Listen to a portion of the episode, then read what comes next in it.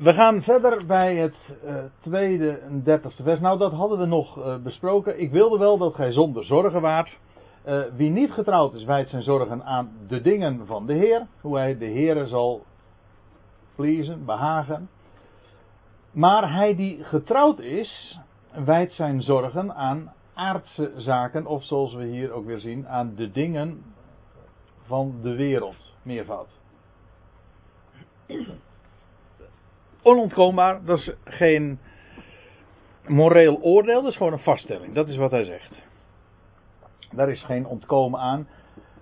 Hoe hij zijn vrouw zal behagen, hij is verdeeld. In de pauze hadden we het er nog even over. Toen ging het niet specifiek over het feit dat je getrouwd bent, maar bijvoorbeeld je hebt een zaak. En er zijn zoveel dingen die eh, en dat geldt niet alleen voor als je zelf ondernemer bent, maar ook als je een, met name eh, veel verantwoordelijkheid draagt in, als, als werknemer, manager bent, dan, uh, dan kost dat heel veel aandacht.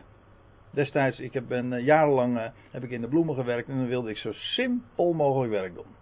Hoe stommer hoe, het werk, hoe beter. Dat ik gewoon, dat, dat ik met mijn gedachten ergens anders kon zijn bij de dingen die ik erg belangrijk vond. Dan weet ik wel, dat is voor ieder weer verschillend. En ook dat is geen moreel oordeel, maar ik beleef dat zelf. Alleen het is wel zo, in zo met zo'n instelling, ja, zal je niet uh, verder komen op de maatschappelijke ladder.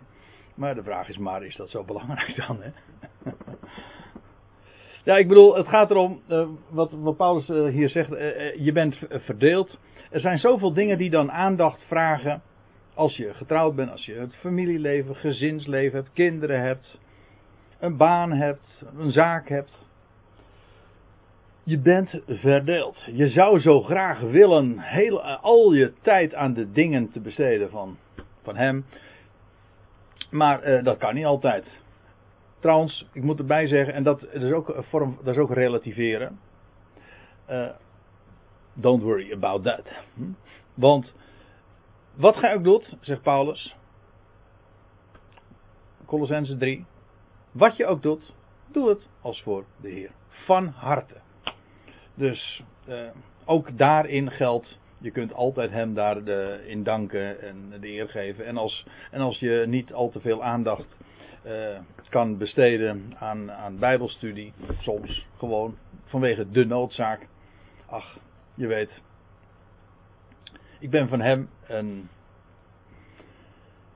ook dat leidt hij daar moet je niet, dus niet zo spastisch over doen. En van, oh, ik, ik, ik moet aan mijn, aan mijn dagelijkse portie stille tijd komen. Het is wel zo, het is, je hebt het gewoon nodig. Eh, eh, dat, die voeding. Je hart gaat daar uit. Dus het heeft altijd iets incompleets wanneer je, wanneer je daar niet aan toe komt. En je weet ook gewoon, je gaat stralen. Je, de echte vreugde ontleen je juist aan de dingen van het woord.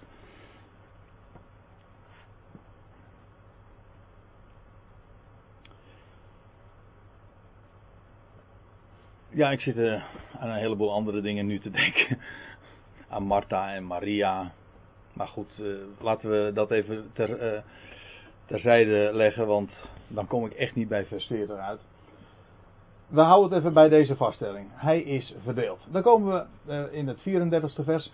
Zowel zij die geen man meer heeft, of hier staat eigenlijk ook de ongetrouwde vrouw, geen man meer heeft, dat is niet direct wat er staat. Je zou het kunnen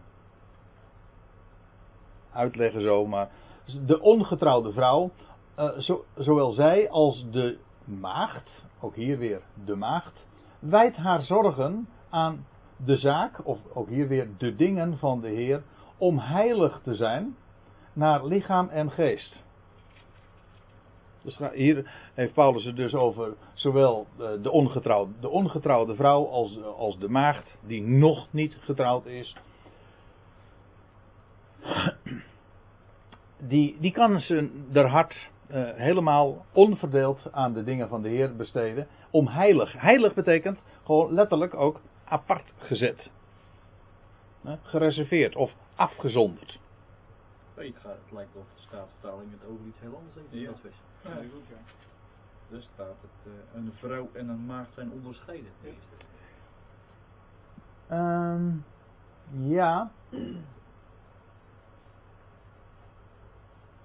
Even kijken hoor.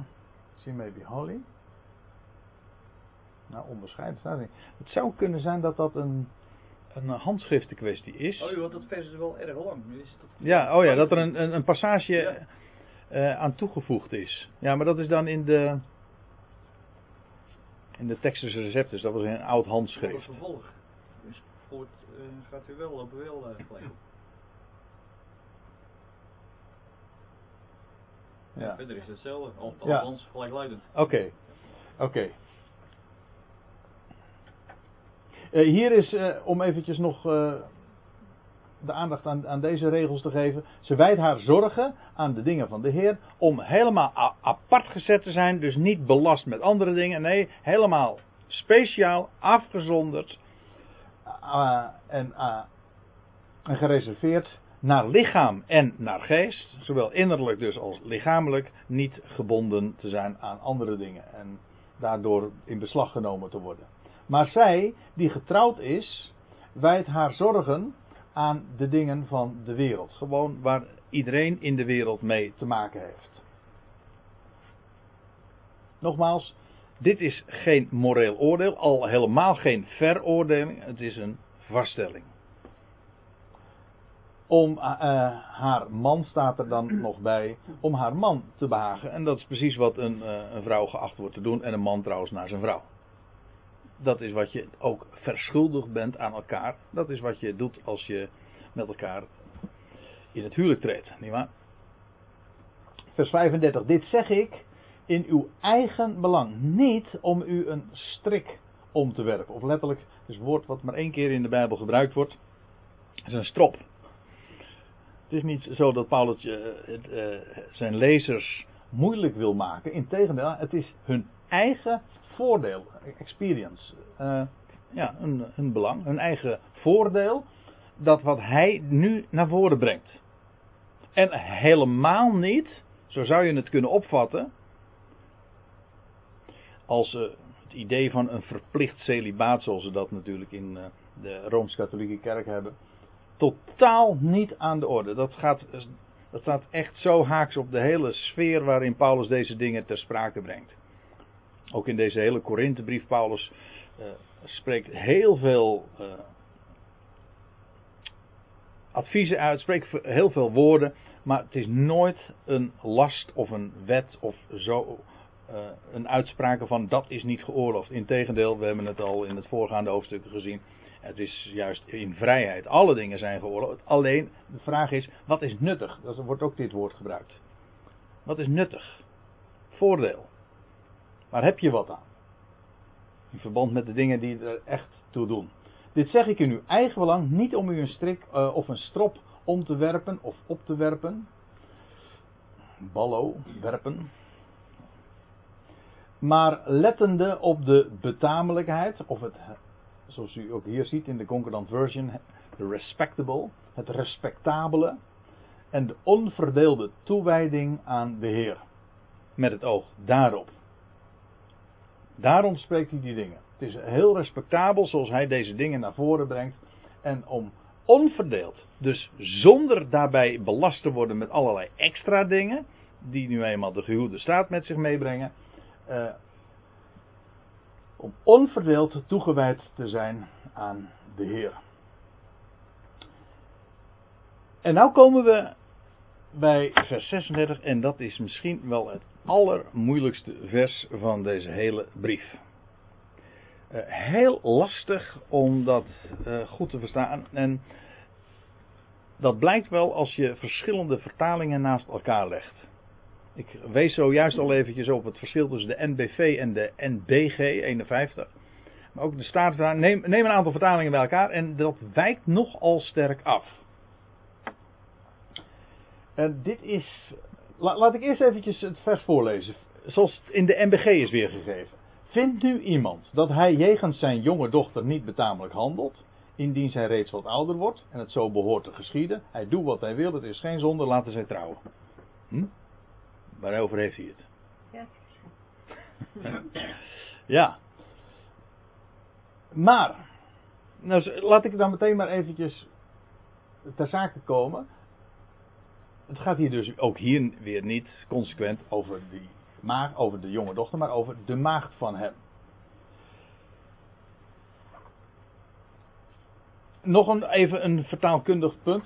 Er staat hier, uh, indien zij reeds wat ouder wordt. Nou, dat is, dat, dat is echt niet wat er staat hoor. Dat is een uitleg, geen vertaling. Het te, of het te veel wordt. Het over de, het punt raakt. Of jeugdige leeftijd. Ja, in de, in de Statenvertaling over haar jeugdige leeftijd. Dat is allemaal uitleg. Ik zeg dat ook niet trouwens veroordelend, want het is gewoon heel lastig om precies te achterhalen wat Paulus hier uh, op het oog heeft. En, uh, en u weet, als u me wel eens vaker in mijn Bijbelstudies gehoord hebt, weet, ik, dan weet u dat ik uh, bepaald niet zo te spreken ben over een, een MBV-vertaling, omdat die zo vreselijk vrij is.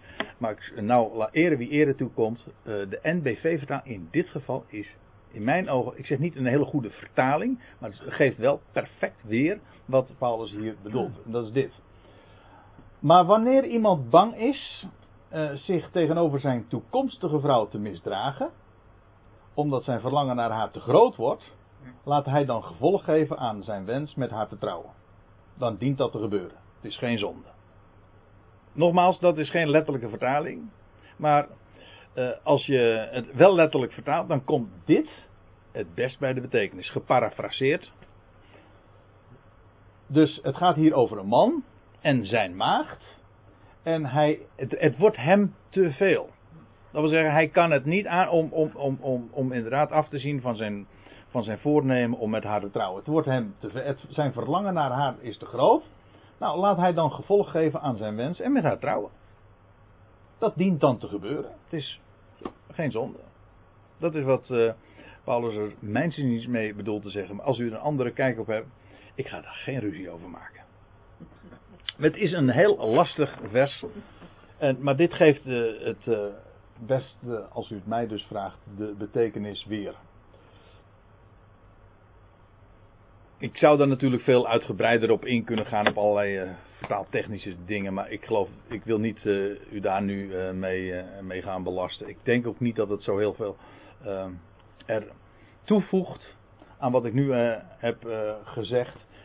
De hele lijn van het betoog is namelijk, zoals dat in de MBV-vertaling ook wordt weergegeven, inderdaad, het gaat over ongetrouwden, over de en in dit geval over een maagd en over een man die, uh, voor, voor, wie het te veel wordt en, en die het niet kan opbrengen om uh, ongetrouwd te blijven. Nou, daar gaat dat 36e vers over. En dan vers 37 haakt daar verder op in. Doch hij die in zijn gemoed vast overtuigd is, die letterlijk staat in het hart, overtuigd in zijn gemoed, staat in zijn hart, niet genoodzaakt wordt, dus niet, die noodzaak heeft van, oh ik moet beslist uh, trouwen. Nou, en ook macht heeft, autoriteit, volmacht heeft over zijn wil en hiertoe bij zichzelf besloten heeft. In zijn eigen hart zijn maagd, uh, te, zijn maagd te bewaren, die zal wel doen. Dat zeggen, dus hier wordt over twee situaties gesproken. Over een man die het voornemen heeft te trouwen. En die daar niet van af kan zien, want zijn verlangen is te groot, het wordt hem te veel, hij zou dat niet kunnen hebben. Paulus zegt, prima, trouw dan. Laat dat zo geschieden. Maar, in ander geval, als je in je hart overtuigd bent, inderdaad, ik wil, ik wil desondanks uh, daarvan afzien en ik, ik trouw niet. Nou, dan zegt hij, en ik laat de maagd, uh, ik bewaar haar, dat wil zeggen, ik maak daar geen gebruik van en ik blijf ongetrouwd, die zal wel doen. Dus, vers 38. En het probleem wat ik zojuist signaleerde, dat blijft ons nu een beetje aankleven, want de vertaling blijft hierop voortborduren over die jonge dochter en dat uithuwelijken. En daar gaat het niet over. Het gaat niet over, over een vader die zijn dochter uithuwelijkt. Het gaat hier over gewoon een man die afziet van een huwelijk. Van een voorgenomen huwelijk, van die een verloofd is of in ieder geval verkering heeft. Wie, wie zijn maagd uithuwelijkt, letterlijk, uh, huwelijkt de maagd van hem. Maar in dat geval is die wie is dan de vader? Nee. Toch niet? Nee, nee, dat, dat- kijk, dat, kijk, zowel jonge dochter.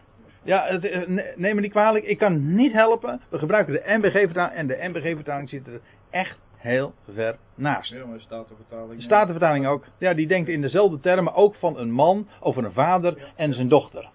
En alles hebben ze in de vertaling ook zo geïnterpreteerd. Sorry? Dat was toch in die tijd ook zo? Ja, zo, daarom heeft men het ook zo vertaald. Maar ja, dan, het is niet terecht om, omdat je denkt van, ja, het zal wel dat betekenen, om dat dus ook te vertalen. Kijk, je kan wel vertalen jonge dochter, maar dat is geen vertaling, dat is uitleg. Er staat gewoon maagd. Eh, net zo goed als het woordje uithuwelijken, er staat gewoon huwelijkt. Of huwelijkiseerd. Ja, ik geef toe, dat is geen goed Nederlands, maar dat is wat er staat. Ja, ik, ik, ik zit nog steeds erg in die mindset van iseren. Ik heb er afgelopen zondag ook inderdaad eh, over gesproken. Over evangeliseren, demoniseren. Er zijn zoveel woorden die met iseren. Maar het is een typisch eh, Grieks woordgebruik. En hier gebruikt Paulus dat ook. Ehm, dat, die is, uitgang. Huwelijkiseert. Maar gewoon, dat is geen goed Nederlands. Dus eh huwelijkt de maagd van hem. Uithuwelijk is interpretatie. Jonge dochter is interpretatie. Dus wie de maagd huwt, doet wel, geen punt. Wie niet, wie haar niet huwelijkt, doet beter. That's what, dat is eh, wat eh, Paulus daarover zegt. Ah, naar aanleiding van deze teksten is er toch heel wat afgeleid door jonge dochters, denk ik. ja, wellicht, ja. ja. Nou, maagden dan. eh, Ja, ja, ja, maar ja. ja, dat zijn dus Ja. mannen en vrouwen kunnen Ja, dat zijn. inderdaad. dus, Ja, ja. ik denk inderdaad dat dat best wel eens voorkomt.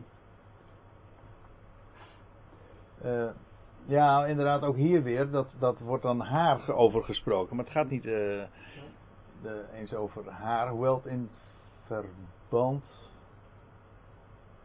Ja, hier gaat het inderdaad over hem en haar. Ja, dan is, het, dan is het wel duidelijk. Ja, dan is het wel. Dan is het hem en haar.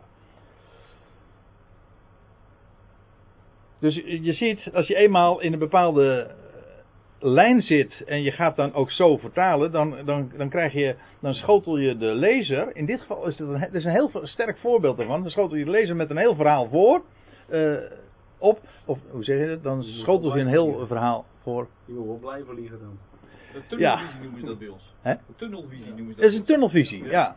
Al- Ondanks tegenstrijdigheden in je, in je Ja. originele tekst, Ja. zie je toch wat jij wil zien. Ja. Ja. En het eigenaardige is dus dat de NBV-vertaling eh, voor een heel andere weergave heeft. Dus Dat is trouwens ook een tunnelvisie. Oh, ja. Want ja, ze, nou ja, ze hebben, zij, ook zij hebben niet echt vertaald. Ze hebben gewoon uitgelegd. Alleen in dit geval, die uitleg kl- klopt veel beter met het origineel, met, met de letterlijke tekst. Doeltaalgerichte vertaling is dat. Ja. Maar ja, weet je, we hebben daar wel heel vaker over gesproken al. Eh, De ellende met Bijbelvertaling is dat, dat vaak gepresenteerd wordt dat wat men denkt dat, er, dat het betekent. Terwijl je als lezer wil weten, wat staat er precies? En dan nog. En dan nog ben je er niet eh 1, 2, 3, want dan moet je ook nog schrift met schrift vergelijken. Maar het is een, toch een minimumbasis. Je moet eerst weten, wat staat er precies? Om, om überhaupt ook tot begrip en verstaan te komen van zo'n passage. En daarom vind ik het mijn plicht om te zeggen van ja, men kan wel weergeven jonge dochter, maar het staat er niet. En men kan wel zeggen uithuwelijken, maar het staat er niet. Ja, nou, met zulke feiten eh, moet je geconfronteerd worden, daar moet je op gewezen worden. Nou, zie daar de reden waarom je ook Bijbelstudie doet, toch? Dus, en nou, dit zijn afsluitende woorden in eh, dit zevende hoofdstuk. Een vrouw is gebonden zolang haar man leeft. En een man is trouwens ook gebonden zolang haar, zijn vrouw leeft. Want dat is namelijk precies wat het huwelijk is. Tot de dood ons scheidt. Maar indien haar man is ontslapen, is zij vrij om te trouwen met wie zij wil. Dit eh, is een, zijn woorden trouwens die Paulus ook in Romeinen 7 naar voren brengt. De gehuwde vrouw Dus een heel ander verband trouwens.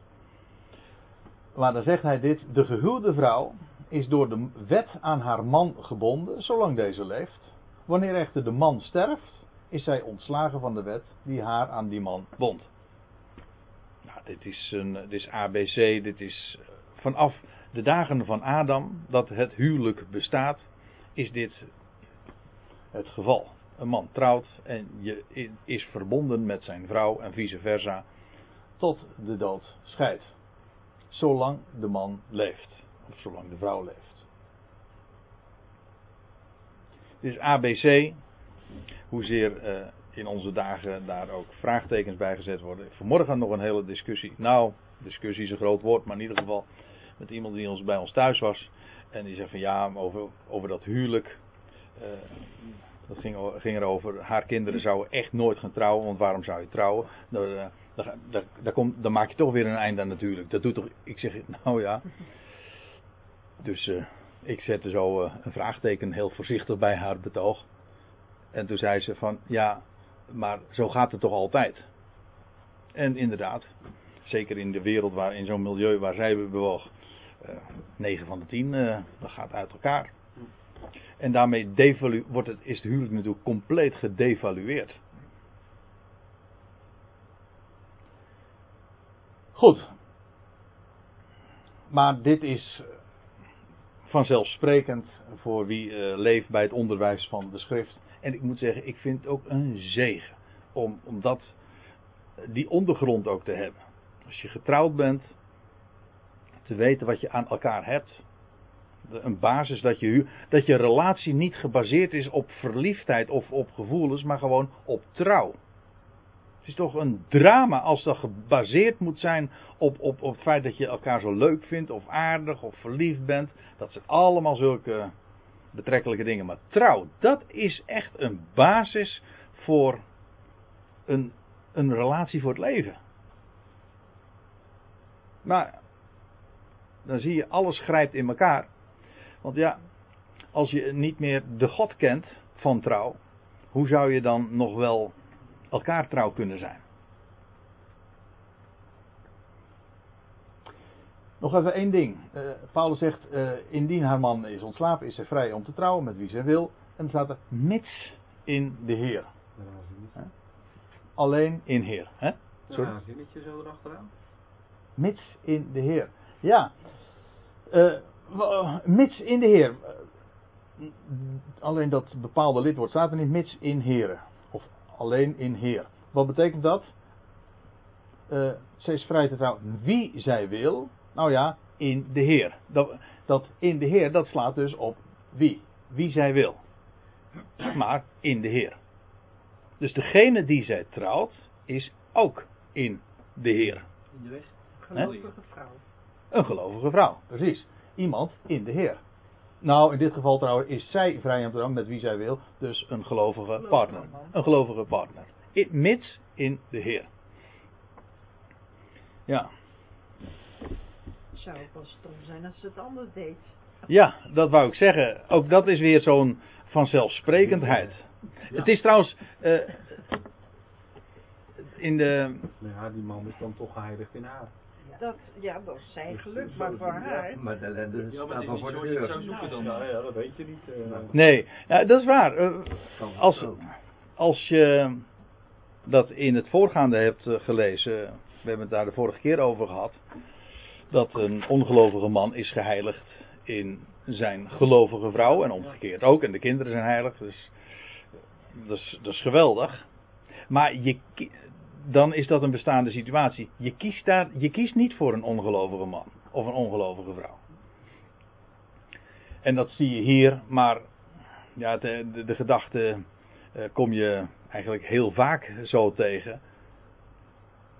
Het, de, het idee dat je met iemand in zee zou gaan, voor het leven, verbonden, zo nauw, zo intiem, met wie je niet het belangrijkste deelt, dat je het, ja, wat heb je dan wel gemeenschappelijk? De basis van je leven, wat is je leidraad? Waar gaat het allemaal om? Dat, als je dat niet eens met elkaar kunt bespreken. Als een gegeven is. Hè, de een is gelovig geworden en de ander, en de ander is in ongeloof gebleven. Of miskent dat. Oké, dan heb je daarmee te dealen. Dat. Maar daar kies je niet voor. Doe dat niet. Ook hier is het eh, geen kwestie van dat mag niet. Het is zo onverstandig. Daarom zegt Paulus in de Heer. Dat is een vanzelfsprekendheid voor als je als, als de Heer het belangrijkste is, dan kies je toch niet iemand die die Heer niet kent. Ik geef toe dat het uh, woord uh, elders in de Korinthebrief, in de tweede Korinthebrief, niet specifiek gaat over het huwelijk, maar het is er wel direct op van toepassing over dat een, een ongelijk juk gaan, aangaan met een, nee, een, een juk aangaan met een, nee, een ongelijk juk aangaan met een ongelovige. Dat wil zeggen onder een, een juk, dat is een last dus, met iemand die totaal anders uh, is. Bijvoorbeeld, je zet voor een ploeg een, een, een os en een, Ezel. en een ezel. Ja. Nou, dat is, dat, als, je bent echt een ezel als je voor een os Ja. kiest. Hè? Maar het was zelfs zo, eh, meestal zijn die jukorsen, die werden per twee, ook als kalf, Ja. opgevoed. En die, ze waren altijd samen. En als er Ja. eentje van dood ging, dan werd die andere opgeslacht, want dat was onbruikbaar in een span. Dat Oké. ging niet meer. Of hij ging voor lichter werk in zijn eentje, Oké. want hij in zijn eentje kon. Oké. dat Maar ze waren zo aan elkaar Ja. dan gewaagd. Ja, dat zou dan een ongelijk span vormen. Ja. Ja. Een ongelovige. Ja. Waarbij een ongelovige eh, wat anders is dan een onkerkelijke. hè. Ja, zeker. Want ik ken heel veel kerkelijke mensen die zeer ongelovig zijn. Ja, die niets van het evangelie moeten hebben. Gewoon iemand met wie je het evangelie, zoals wij dat kennen van de apostel Paulus, die dat, met wie je dat deelt. Dan anders moet je gaan evangeliseren. Ja, precies, ja. Dan heb je ze wat te vertellen. Dus dit is allemaal common sense, zoals Paulus dat zegt. Als je de Heer kent, dan, eh, dan doe je dat. Hij, hij legt dat verder niet eens uit. Hij zegt het heel kort, maar dit hoef je feitelijk ook niet eh, verder toe te lichten. En dan eh tenslotte nog het laatste vers, vers 40. Toch is hij, naar mijn mening, Paulus blijft op zijn punt eh, terugkomen, eh, is hij naar mijn opinie gelukkiger. Elders wordt dat in de Bijbel vertaald met zaliger. De gelukkige God. Er staat exact hetzelfde woord, Makarios. Toch is hij naar mijn opinie gelukkiger indien ze blijft zoals ze is. Dat wil zeggen, ongetrouwd. En daar is heel Paulus' bediening op ge- gericht. Hij zegt in, het tweede, in de tweede brief, in hoofdstuk 1, vers 24. Prachtig vers. Zou je als een eh, mooie boog over al zijn brieven als, als tekst kunnen schrijven. Niet dat wij heerschappij voeren over uw geloof. Nee, wij zijn medewerkers aan uw blijdschap. Want door het geloof staan jullie vast. En alles wat Paulus zegt en raadgevingen doet met betrekking tot leven, met de vragen die zij aan hem gesteld hebben, het is helemaal geen heerschappij of een last die hij hen oplegt of een strop. Dat andere woord wat we eerder zagen. Nee, hij zegt we zijn medewerkers aan uw blijdschap. Alleen maar om jullie blijder te maken, gelukkiger te maken. Daarom geven we je deze richtlijnen en adviezen. Geen wetten, geen heerschappij. En zegt hij er dan een beetje laconiek, eh, aan, voegt hij eraan toe. En ik meen ook de geest gods te hebben, mochten jullie dat betwijfelen. En vanuit dien hoofde heeft hij deze dingen ook opgetekend. Nou, één ding moet duidelijk zijn. Paulus relativeert hier in dit hele hoofdstuk. Misschien eh, kan ik met die opmerking wel afsluiten. Hij relativeert zo sterk de dingen hier in deze wereld en van dit leven. Inclusief dus ook het huwelijk. Dat is niet het een en, en het al. En dat wordt van eh, relativeren. We hadden het in de pauze nog eventjes over. Dat is eigenlijk ook humor. Dat is ook genade. Als je dingen kan relativeren, ook de moeite, het verdriet, de last, alle dingen die eh, tegen zitten, als je het kan relativeren, dan kan je ook lachen. Humor is in wezen niks anders dan kunnen relativeren. Paulus doet dat hier. Hij relativeert ook het huwelijk. En dat is uh, waar hij uh, in 40 versen over gesproken heeft. En dan gaan we de volgende keer verder met hoofdstuk 8.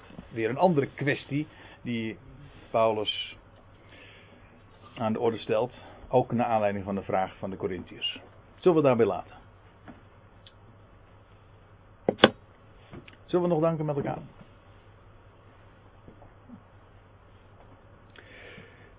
Machtige God en Vader, we danken u zo voor uw woord, voor de schriften, voor die brief die Paulus zo lang geleden optekende, schreef aan een ecclesia die in zoveel, in zoveel opzichten in een vergelijkbare positie zich bevonden als wij ook in 2013 hier nu in Bodegraven.